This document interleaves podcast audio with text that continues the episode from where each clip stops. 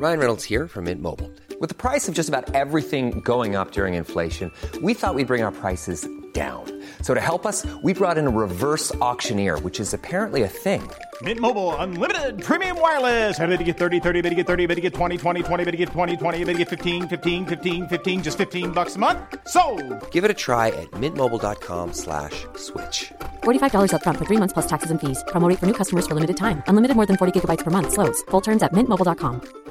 Burrow's furniture is built for the way you live. From ensuring easy assembly and disassembly to honoring highly requested new colors for their award-winning seating, they always have their customers in mind. Their modular seating is made out of durable materials to last and grow with you. And with Burrow, you always get fast, free shipping. Get up to 60% off during Burrow's Memorial Day sale at burrow.com slash ACAST. That's burrow.com slash ACAST.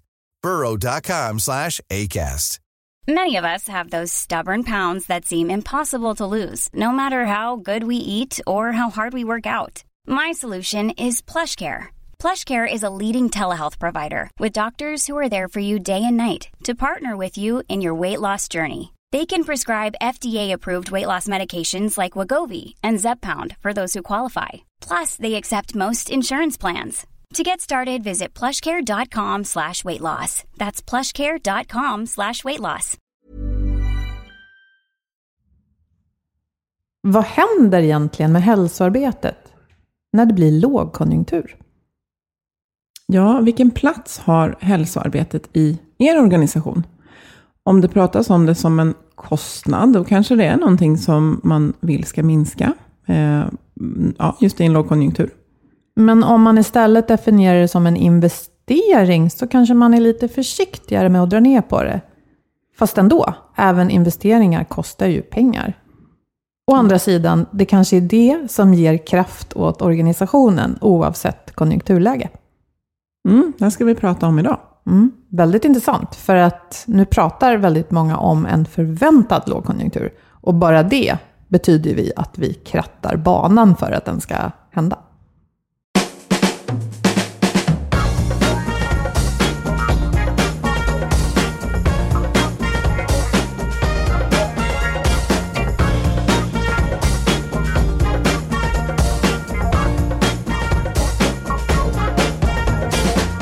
Du lyssnar på Health for Wealth, en podd om hälsa på jobbet. Trots att vi får det bättre och bättre mår många av oss bara sämre. Och så kan det ju inte fortsätta. Därför tar vi reda på hur företag och organisationer kan bygga långsiktig hälsa och lönsamhet. Och börjar vi på jobbet, ja då sprider det sig ofta även till resten av livet. Vi är Ann-Sofie Forsmark. Jag driver företaget Formstark Resiliens. Och Boel Stier, copywriter. Lyssna på oss för nya insikter varje vecka för dig som är chef, ledare, HR, medarbetare eller medmänniska. Nu sitter jag här och funderar på vilken gång i ordningen det är vi säger välkommen till Fredrik Karlsson från Twitch Health. Kan det vara, har du koll? Tre. Tre, det är gången. tredje. Ja, exakt. tredje gången gillt. Alla goda ting är tre. Men det är med fog. Ja, för det vi ska prata om idag eh, pratade du och jag om lite för bara någon vecka sedan. Och vi kände att men det här, nu tar vi den här frågan. För att den är, det är många som, som pratar just om att det kommer en lågkonjunktur. Eh, och ni är vår samarbetspartner och fortsätter vara det. Och det känns jättekul. Det känns jättekul att fortsätta samarbetet. Ja, Ni gör I- bra saker. Ja, men ni med. Och tänkte jag säga så här, i med och motgång. För att så länge som vi har poddat har det varit högkonjunktur. Men Fredrik, så länge som du har drivit ditt bolag har det varit lite olika konjunkturer. Ja, det har varit olika. Vi startade ju 2000 och då var det ju Oj. riktig, ja, då var det ju riktig smäll eh, för de som var med då. Det var ju IT-krasch då. Eh, Startade ni innan det hände? Eller mitt i? Vi startade precis, precis på slutet av, eh, av den IT-boomen som var. Det var riktigt glada dagar, så en idé som vi hade det var ju att jobba rakt av mot IT-bolag. Nu blev det inte så, tack och lov. Och varför är du tacksam för det? Nu blir jag nyfiken. Nej, men det var så väldigt många av de bolagen som inte klarade sig. Mm, förstås. Så man, hade, man brände mycket pengar på väldigt onödiga saker. Och, eh, och hade vi siktat bara på de bolagen och eh, inte gått in på mer stabila branscher, då hade vi inte funnits kvar tror jag. Okej. Så det var inget fel på er affärsidé, men då eh, att ni lyckades i början, det var lite för att ni riktade er till bolag som ändå faktiskt stod kvar? Ja, en del av det i alla fall. Och sen med liksom ett ansvarsfullt företagande. att eh, eh, det är ett, ett litet bolag i, har inte så stora kostnader. Om man, vi har haft en sån eh, idé att eh, växa på ett väldigt traditionellt sätt eh, som företag och har aldrig haft några lånade pengar så att, och inga, inga extravaganta kostnader så som IT-branschen hade då. Så det är väl också en anledning till att vi klarade oss. Att vara liksom ansvarsfull med investeringar och, och kostnader. Men om man backar bandet lite, en anledning till att det är, vad ska jag säga, ligger rätt i tiden att prata om hälsa på jobbet, kultur, att medarbetare ska må bra idag, det är ju att det är väldigt svårt för många företag att hitta rätt medarbetare. Men det är en stor kamp om talangerna. Så den dragaren är ju liksom väldigt naturlig. Och sen att många människor är intresserade av frågan. Men vad tror du Fredrik som har varit med förut? Om vi nu går in i en lågkonjunktur, och det kommer vi ju göra inom ett eller ett och ett halvt år, två i alla fall. Det är ganska säkert. Den kan bli väldigt låg eller bara en liten dipp. Vad ser du framför dig kommer att hända med efterfrågan på alla möjliga tjänster som rör hälsa? Mm. Och det är ju en jättebra fråga. Det, ju, det finns ju flera perspektiv som man kan ta. Det, dels är det historiska perspektivet att se hur, vad, vad hände förut. Eh, men med det sagt så är det inte säkert att samma sak händer igen eftersom det inte är samma värld. Det går, det går väldigt fort, eh, förändringen. Så att, men jag tror att eh, om jag ska spekulera i vad som har hänt historiskt så har det inte hänt så mycket. Um, en del bolag inom branschen företagshälsa och hälsa har gått uh, lite tyngre lönsamhetsmässigt. Eh, man kanske har haft lite sämre tillväxt under lågkonjunktur. Eh, på konsumentsidan så har det inte sett ut så när det gäller hälsoprodukter, utan då har man, eh, de har liksom ångat på ganska bra. Man pratar om de här billig lyx eller affordable-luxury produkter.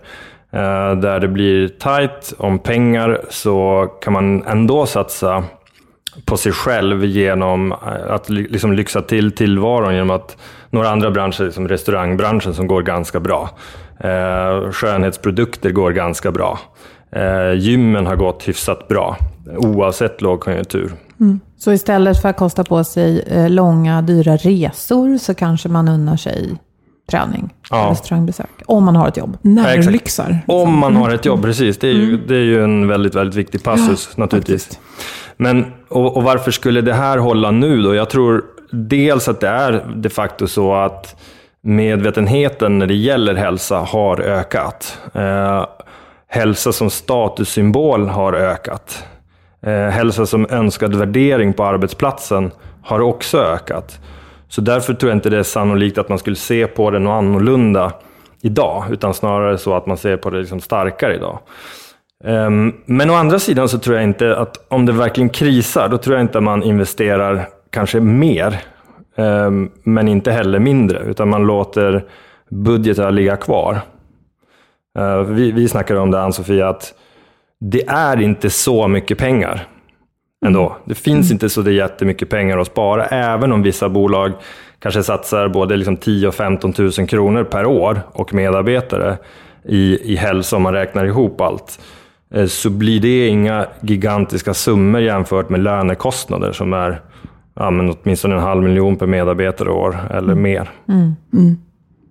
Precis, jag tänker symbolvärdet blir också, om man vet att ja, men personalen kommer oroas av att det blir lågkonjunktur. Och så är det första man plockar det som jag verkligen känner är något som jag, alltså det här är ju till mig. Det, det här finns tillgängligt för mig, vad det nu är, som har med hälsa att göra. Och så är det det som ryker. Det blir, det blir väldigt så här, det känns som ett två, två slag i ansiktet istället för, istället för ett. Och som du säger, om det också är om det också uppfattas som, som någonting som skapar värde så är det ju mer en investering än något som ses som en kostnad. Även om man nog hanterar det så rent liksom, bokföringsmässigt. Eh, så blir det också lite, känns lite dummare att ta bort det på något sätt. Mm. Men kan det vara så här att ett sånt stålbad skulle kunna eh, tillföra något i termer av att vi rensar bort de produkter och tjänster vi köper som kanske inte tillför så stort värde? Det kan man hoppas. det, är ju, jag tror, det har vi pratat om tidigare, när vi pratade om framgångsrikt hälsoarbete, att det är ganska, ändå ganska många företag som satsar slentrianmässigt på hälsa. Uh, man man liksom strösslar pengar och gör massa aktiviteter utan ett tydligt mål och utan prioriteringar. Så förhoppningen är väl att någon form av rejäl kris kan föda fram att man satsar smartare. Mm. Nu har jag en god vän som säger att det finns inte dyrt och billigt, det finns rätt och fel pris. Och med det menar han att om det finns ett värde mm. Eh, så är priset rätt. Eh, om det inte finns ett värde så är priset fel. Mm. Eh, så, så, att med det sagt så går det att konsumera dyra produkter eller tjänster och givet att de ger det värde som man förväntar sig så är det, så är det rätt och bra. Och då tänker jag att det, det är ju också, då krävs det också en kompetens. Att om man säger så här, ja nu har ju vi kanske strösslat lite grann på lite extravaganta saker som, ja det får väl någon liksom att må bra, men ja, skulle vi behöva titta över och, och liksom budgetera lite så, så gäller det ju också att man förstår vilken av sina hälsosatsningar som skapar värde. Så det kräver ju den kompetensen. Det här jobbar ju ni med, så det, det är så tacksamt att lyfta den frågan till dig. Men att det gäller ju då att man, ja då kanske man eh, ja, jag vet inte, man kanske inte ska låta den här satsningen på det här att vi alla åker iväg och springer det här loppet som kostar väldigt, väldigt mycket pengar. Det kanske är just det som ska stryka på foten, men inte ja, vad det nu kan vara som verkligen skapar Hälsa värde. i vardagen. Och då skulle ju det kunna vara helt gratis saker som att vi hälsar på varandra i korridoren och är noga med det. För att vi vet att det får oss att må bra. Mm. Trots att vi är jättestressade. Mm. Vi tar oss den tiden. Mm. För annars är ju tid en, alltid en bristvara och jag tänker i ett pressat läge, konjunkturen viker, intäkterna viker, då blir det ännu mer pressat. Och lite det här att, gör, att överhuvudtaget göra en värdering av vad som ger värde och inte, tar ju tid. Mm. Mm. Verkligen. Så kommer man att ta sig den tiden i halvt krisläge? Det är frågan. Ja, jag, jag är rädd för att det, det kan det kan vara så att krisen föder fram något bra, men det kan också vara att, att en kris befäster uh, det, det slentrianmässiga investeringen, att man stannar kvar i det sätt man har arbetat för att man i vardagen får ännu mer att göra. Ofta är det ju så att det ändå är HR-avdelningarna och eh, oftare nu men ändå eh, ibland är det så att det är en isolerad HR-fråga, eh, hälsoarbetet och friskvårdsarbetet. Och HR har väldigt mycket att göra redan idag. Men om det är så att det blir omställningar och nedskärningar och, eh, och ännu hårdare tryck, eh, Eh, då kommer man inte i vardagen ha tid att ta reda på nya lösningar eller analysera sin egen verksamhet. Och då tror jag att det finns en risk att man stannar kvar tyvärr i, eh, i de gamla delarna. Men jag tror fortfarande ändå inte i så fall att man drar ner på investeringen, utan då stannar man nog bara kvar. Då kan man se det som skräckscenariot som man kanske också kan varna för.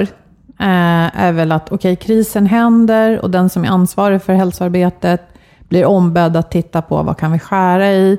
Och så säger den personen nu, nu skrotar vi friskvårdsbidraget och nu skrotar vi det ena och det andra. Och så rapporterar man det till ledningen och så säger de bra. Och så är det klart. Kanske. Ja, men det är det vi vill undvika. Ja, det, det, det vore det vore nog inte så det jättebra, tror jag inte.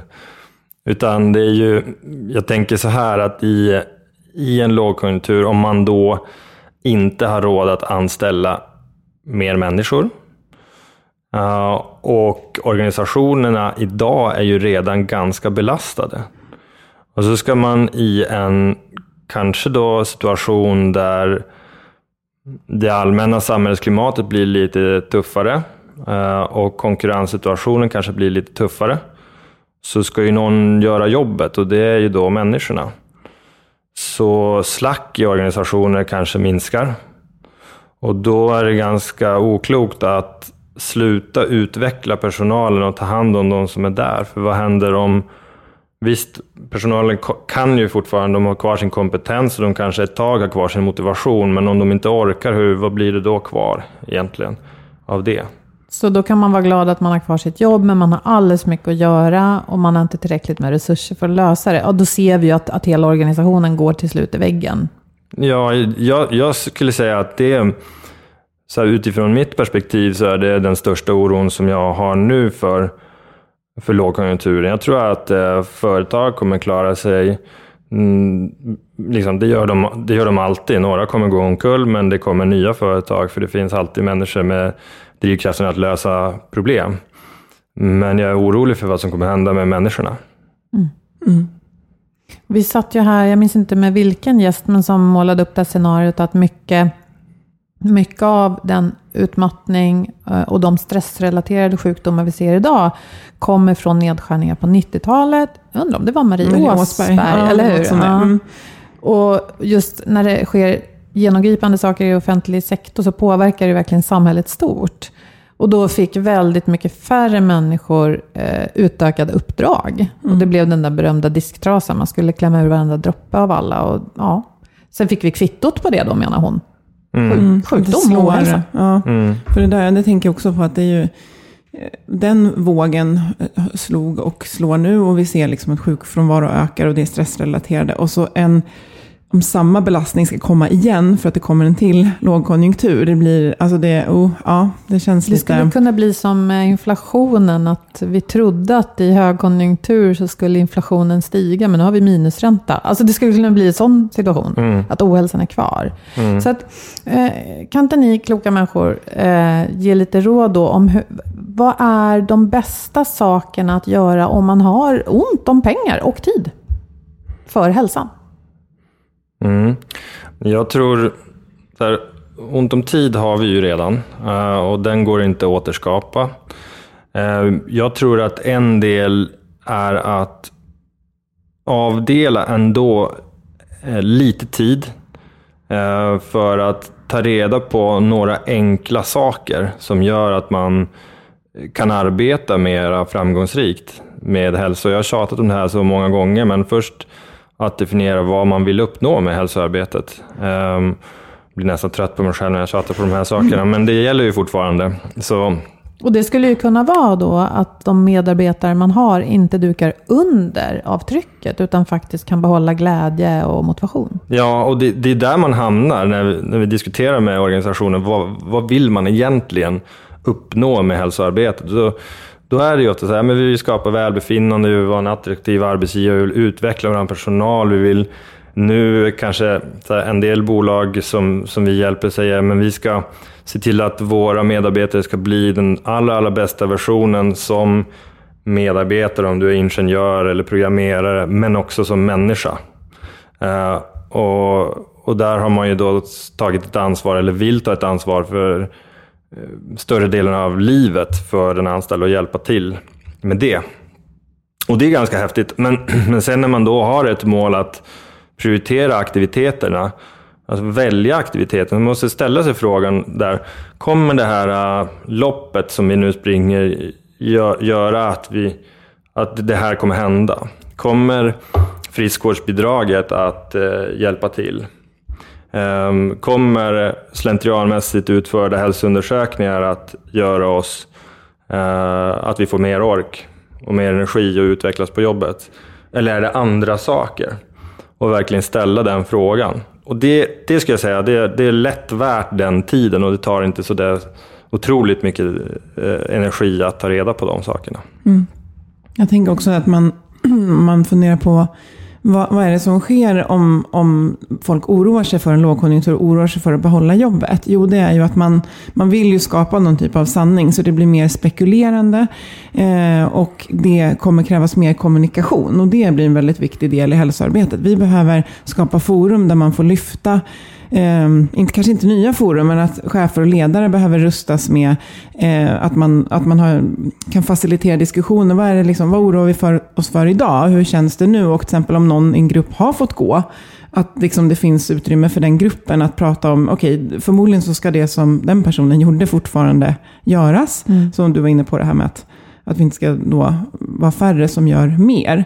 Att man behöver jobba med den frågan. Man kanske inte kan, man kanske måste säga upp folk. Men hur skapar vi då liksom lugn och trygghet för de som är kvar? Och även på, så kan det ju vara att man faktiskt måste vara vi pratade innan om eh, poddavsnittet innan här med att vara brutalt ärlig. Att vi kommer att behöva säga upp folk. Men vi ska vara liksom så tydliga vi kan. Och vi ska prata om det här. Och det kommer inte ske bakom liksom lyckta dörrar och så kommer vi bara ut och du, du, du ska gå. Utan det kommer behöva fokuseras mer på att ha dialog och kommunikation kring den oro som alla känner. Och det blir en nog så viktig del av, av hälsoarbetet som tar tid. Eh, men det behöver kanske inte kosta jättemycket. Men också där tror jag att man kan behöva ta in extern kompetens med att hur för man sådana här samtal? För någon kan ju faktiskt behöva då få gå och prata med någon om den oron. Och, och chefen känner att, att det här blir jättesvårt för mig att ta det här samtalet. Men att det ska ske liksom ett samarbete kring det. Så det kan ju vara en del av hälsoarbetet som faktiskt kan eh, vara en riktig investering i tider av lågkonjunktur. Att, jag vet inte vad du tycker Fredrik? Eh, Jag, jag håller med eh, på några punkter där. eh, Det ena att man inte behöver skapa nya forum, utan ofta så finns ju både processer och forum, men det är inte så sällan att man tänker om man ska förändra någonting att då behöver det in en ny process och så behöver det in ett nytt forum. Men så är inte fallet, utan det kan ligga inom hållbarhetsarbete eller inom arbetsmiljöarbete, systematiska arbetsmiljöarbetet som inte sällan är en hyllvärmare, men det går ju liksom fräscha upp det, för det finns ändå ofta systematiska möten och kartläggningar och annat som man kan använda på ett smart sätt.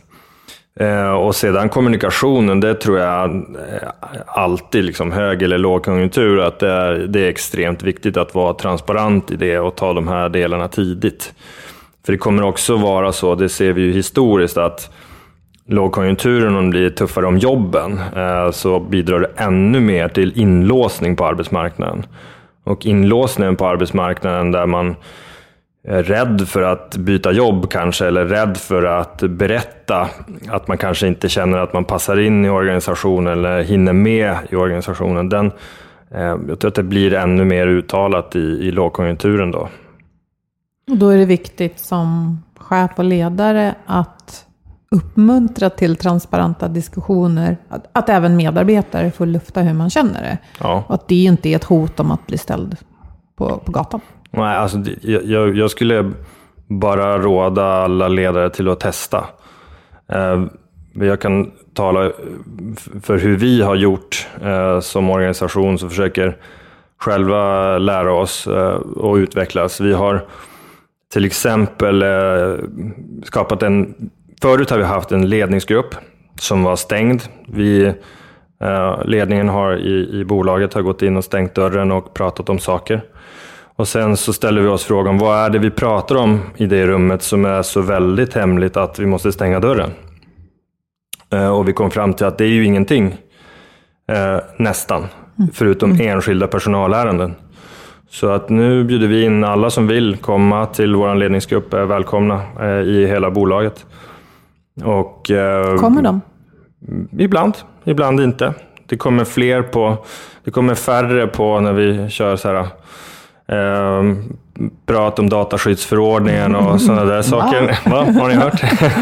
Så väldigt konkreta ärenden då. ja, ja men så, så kan det ju vara. Det kan ju vara saker som har, i ledningsgruppen så är det ju saker som har någon form av långsiktig och, och, och viktig och eh, strategisk natur om man kallar det så. Um, men det, så där gäller det ju sådana frågor också, om det påverkar liksom, tunga IT-investeringar och sådana saker. Då kanske det inte lockar lika mycket som, eh, som andra frågor. Men, men principen som sådan har, även om det är så att det, vi måste ju inte mota ut folk eh, eller ha kravallstaket eh, till, till de här öppna ledningsgrupperna. Men, Ännu. men det är, ännu, men det är liksom principerna, principen som sådan, att det, vi har, att ledningen inte sitter på någon masterplan som, och är uppkopplade mot någon intelligens som inte finns, utan det är, eh, det är att vi löser det här tillsammans. Jag tror att det är en viktig signal. Så det känns, det känns mycket bättre och eh, mer transparent och ärligt. Bara att kunna veta att om jag vill så, så kan jag vara med. Det Ja. kan ju vara att och folk då bara känner att då, då nöjer man sig med det och så jobbar man på med det man gör. Men att bara Ja. veta att jag är välkommen är ju en väldigt, som du säger, en väldigt viktig signal. Ja. Så. Mm. Men bara ställa den frågan i alla fall, eh, få- och, och känna hur det känns. Ja, för jag tänker förutom hur man ska ställa sig till hälsoarbetet och eh, hur man tar hand om personalen så kan ju en kristid innebära att företaget får omdefiniera sitt fokus. Man kanske inte kan göra allt man gjorde innan. Man kanske får eh, släppa vissa bollar som inte verkar vara så lönsamma. Och det kan ju vara bra på lång sikt. Men så jag tänker att ledningen har ju mycket sånt huvudbry också. Och där kan man ju, tänker jag också, tappa det här med att man måste ta hand om sina medarbetare. Att det inte ligger så högt på agendan, även om man skulle vilja. Mm. Och samtidigt så tänker jag att om det är någon då tid där man verkligen måste vara kreativ och komma på, okej, okay, vi har minskad efterfrågan på det här och det här. Vi behöver vara mer kreativa och hjärnan kan bara vara kreativ när den känner sig lugn och trygg. Så behöver vi ju kanske fler hjärnor som klarar av att vara lugna och trygga så vi kan komma på nya lösningar. Och vilka är närmast verksamheten? Ja, det är medarbetarna. Vi behöver dem mer än någonsin. Men jag tänkte något du var lite inne på Fredrik, att, eller om det var du Boel, men det här att Eh, om de här inlåsningarna kanske också gör att när, det, när jag vet att ja, trivs jag inte här kan jag ju, finns det liksom fem andra arbetsplatser jag kan gå till. Eh, så kanske man är lite modigare och lite kaxigare i att efterfråga en god arbetsmiljö, ett gott ledarskap. För att man kan säga att ja, för får jag inte det här, då går jag någon annanstans. Och att man är så här, fast nu är jag mest glad att jag har ett jobb. Alltså det kan också eh, jag tänker, kan det också få liksom en effekt på vad man liksom ställer för krav på arbetsmiljö och, och hälsoarbete. Vad, vad, vad tänker du där?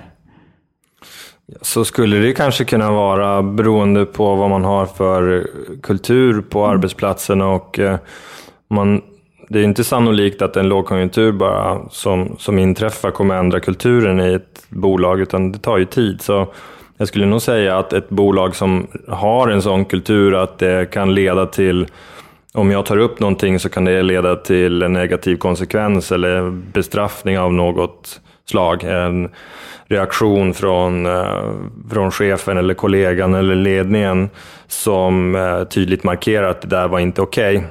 Då kommer jag nog eh, att vakta min tunga ganska väl tror jag. Mm. Men jag tror samtidigt att det kanske blir det då som blir en ännu tydligare framgångsfaktor för de bolag som har en kultur som är eh, där man kan eh, prata med varandra. Mm.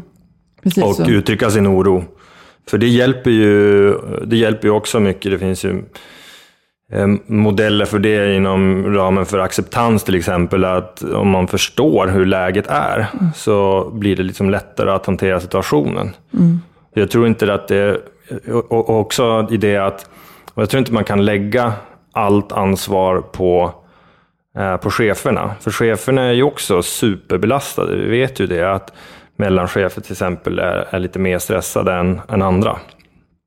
Eh, och om vi då ska lägga på ytterligare att ja, men du får fixa den här lågkonjunkturen nu åt oss så att vi kommer igenom det. Det, det kommer inte heller mm. riktigt hålla. Samtidigt som man kanske är varse om att ens eh, affärsområde kommer att eh, skäras bort. Ja, så, Eller hur? Så kan det bli. Ja, mm. Det blir väldigt tuffa omständigheter då. Ja. Så mer, mer stöd till chefer just specifikt för att hantera en lågkonjunktur låter också som. Det tror jag. Mm, det, det, tror jag. också. Eller mer tryck egentligen.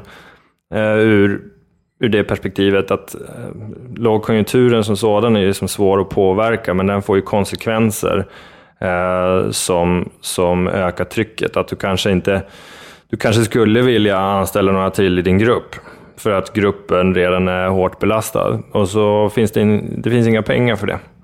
Men produkterna eller tjänsterna ska ändå levereras. Mm. Och det är ju ett jättejobbigt läge ur ett eh, termer av stress, att du har då en låg grad av kontroll men du har ändå mm, oföränd oförändrade krav. Liksom. Mm. Och då kommer spända arbetet öka och det, det får en negativ konsekvens. Mm.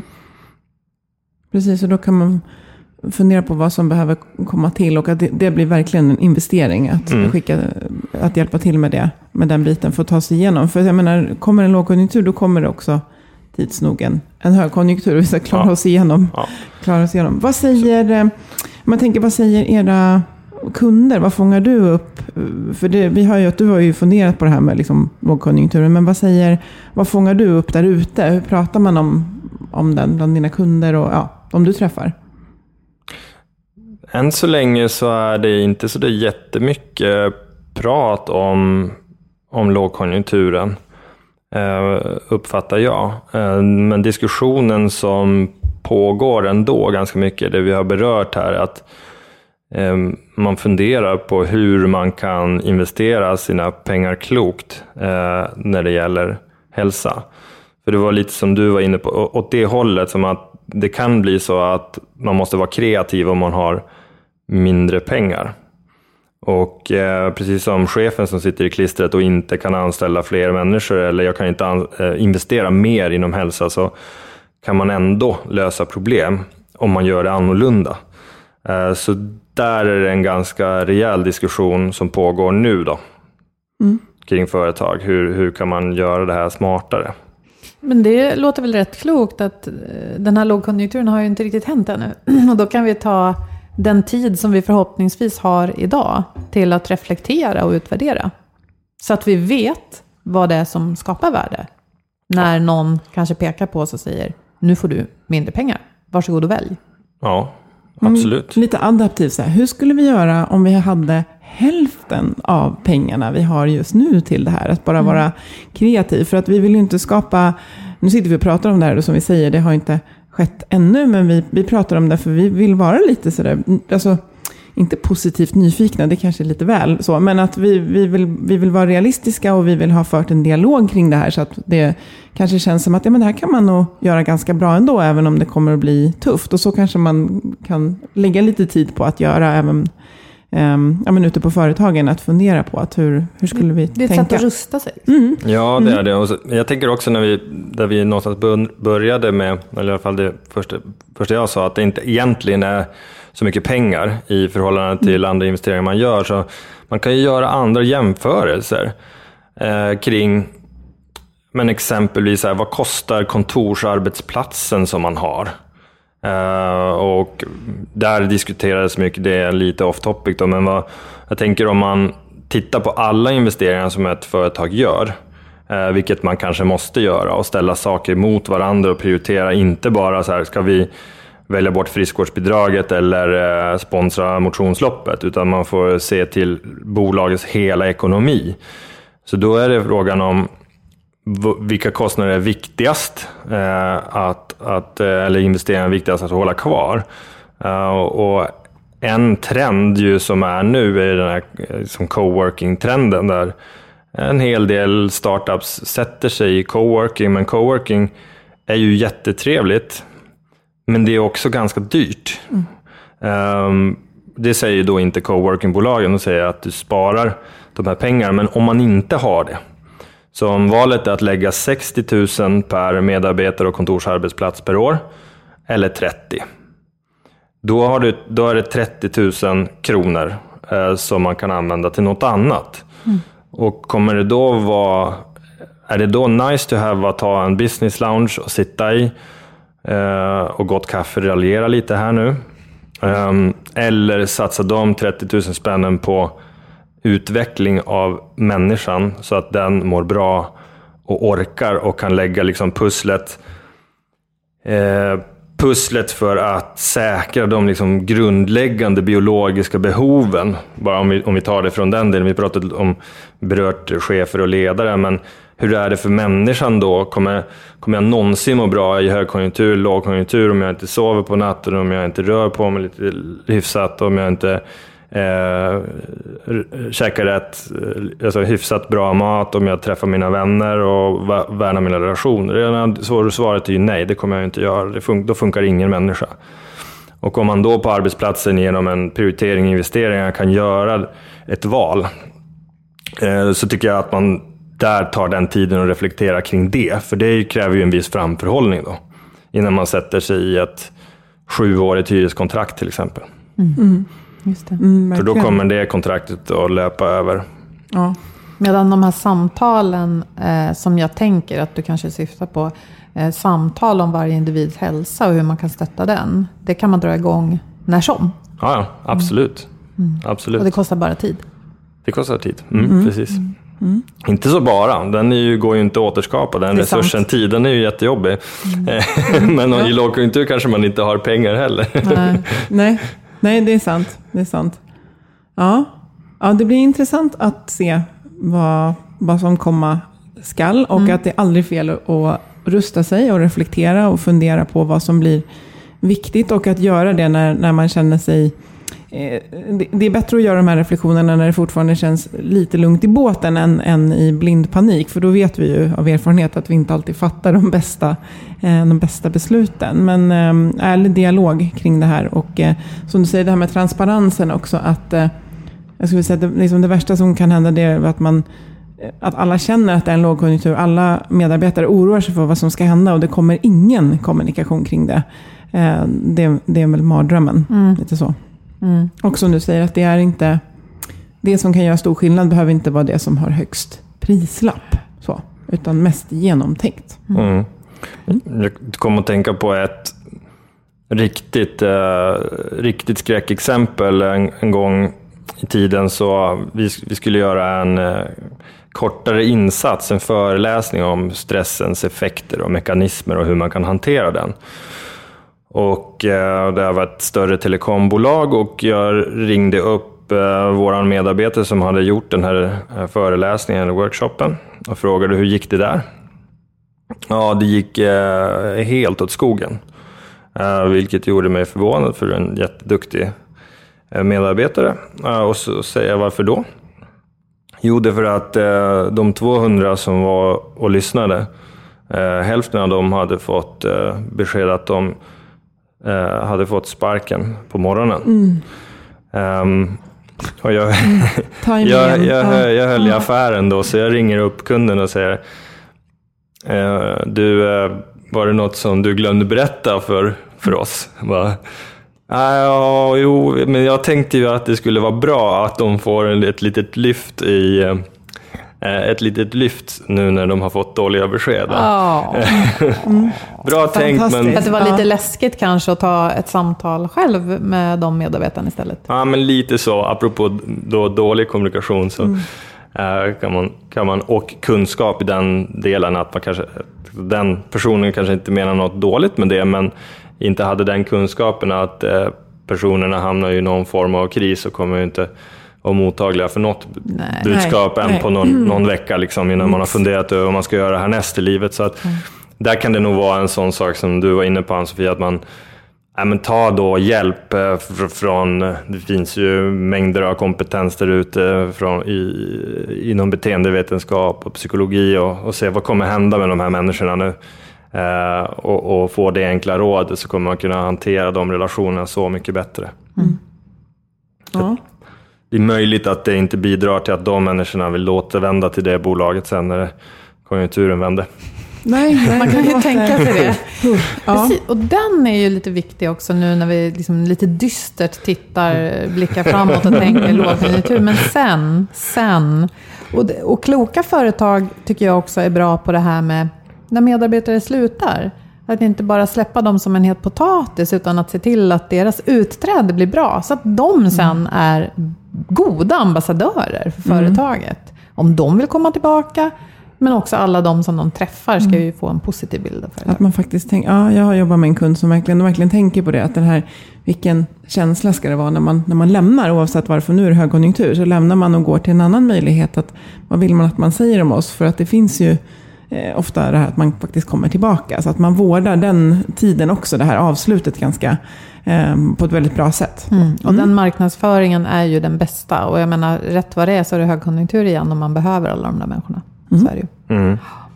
Ja, Vad spännande. intressant att, att blicka både framåt och tillbaka med dig Fredrik. Och eh, intressant att börja med det här att ni startade precis när bubblan sprack. Ja, precis. och, och har klarat er hittills. Så att, eh, jag kan tänka mig att ni är väl rustade inför vad som komma skall. Ja, tror det. Tack så mycket och tack för vårt samarbete som fortsätter med Twitch Health. Och eh, vi tackar Agda Media för den här produktionen och vi vill som vanligt höra från er där ute. Era tankar och reflektioner, kanske, ja precis reflektioner om, om ni var med förra liksom, lågkonjunkturen och reflektioner kring det och hur ni känner framåt. Vad ni tror är bästa sättet att rusta sig för alla sorters väder. Hör av er till oss på healthforwealth.se, på LinkedIn och Facebook. Må så gott. Ha det bra!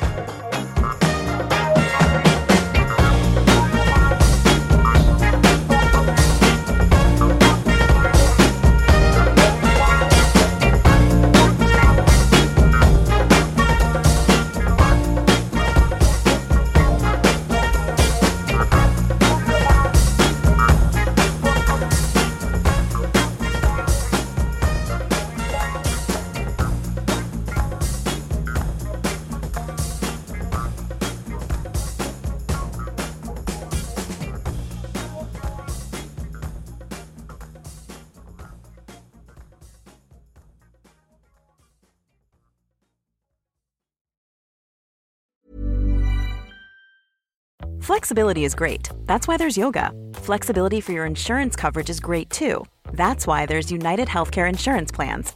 Underwritten by Golden Rule Insurance Company, United Healthcare Insurance Plans offer flexible, budget friendly coverage for medical, vision, dental, and more.